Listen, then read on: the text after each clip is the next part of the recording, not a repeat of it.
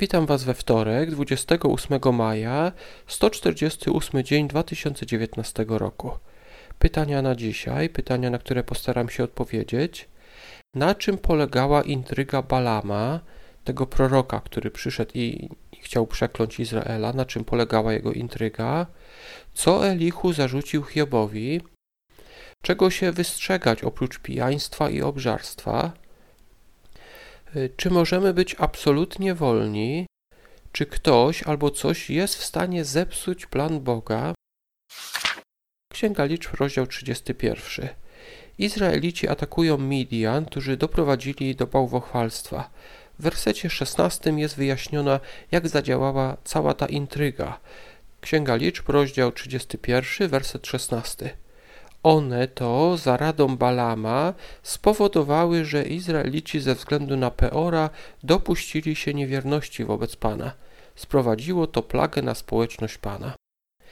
Balam wiedział, że Bóg nie przeklnie Izraelitów, a więc namówił kobiety midianickie, aby nakłoniły Izraelitów do niemoralności, a potem także do kultu bałwanów. Balam, który wymyślił ten machiaweliczny plan, oraz kobiety zginęły właśnie podczas tego ataku. Księga Hioba, rozdział 34. Elichu karci Hioba. Wypomina mu sugerowanie, że człowiek nic nie ma z tego, że służy Bogu. Hioba 34:9. Bożek, nie zyskam nic na tym, że żyję z Bogiem w przyjaźni. Zachodzi więc takie pytanie: co daje człowiekowi przestrzeganie praw Bożych z Biblii?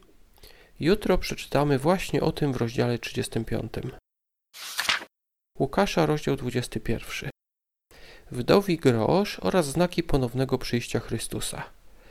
Gdy nastąpi to ponowne przyjście, niektórzy ludzie będą zbyt ociężali wskutek obżarstwa i pijaństwa. Tak więc są to na pewno dwie rzeczy, których należy unikać obżarstwo i pijaństwo. Jezus jednak wymienił jeszcze trzeci problem. Zobaczmy do Łukasza 21:34. Uważajcie na siebie, aby wasze serca nie były ociężałe wskutek obżarstwa, pijaństwa i trosk doczesnych, żeby ten dzień nie przypadł na was znienacka. Ociężali wskutek obżarstwa i pijaństwa nie zauważą ponownego przyjścia Jezusa. Ale to samo zobaczmy powiedziano o tych skupionych na doczesnych troskach. Ludzie zawsze mają swoje problemy, z którymi walczą, i tak samo ma być tego dnia, kiedy będzie ponowne przyjście Chrystusa. Czy więc nie należy nic robić z doczesnymi problemami? Oczywiście, że trzeba się nimi zajmować, ale nie powinny one przesłonić nam czegoś dużo ważniejszego.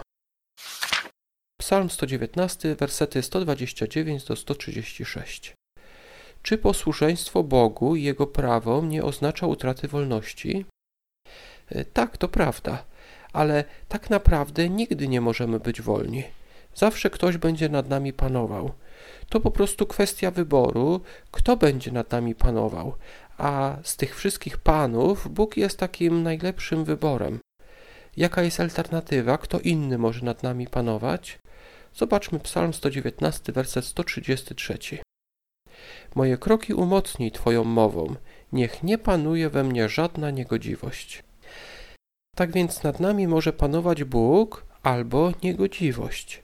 Na przykład złe nawyki mogą być tak silne, że będą kierowały nami tak jak niewolnikami.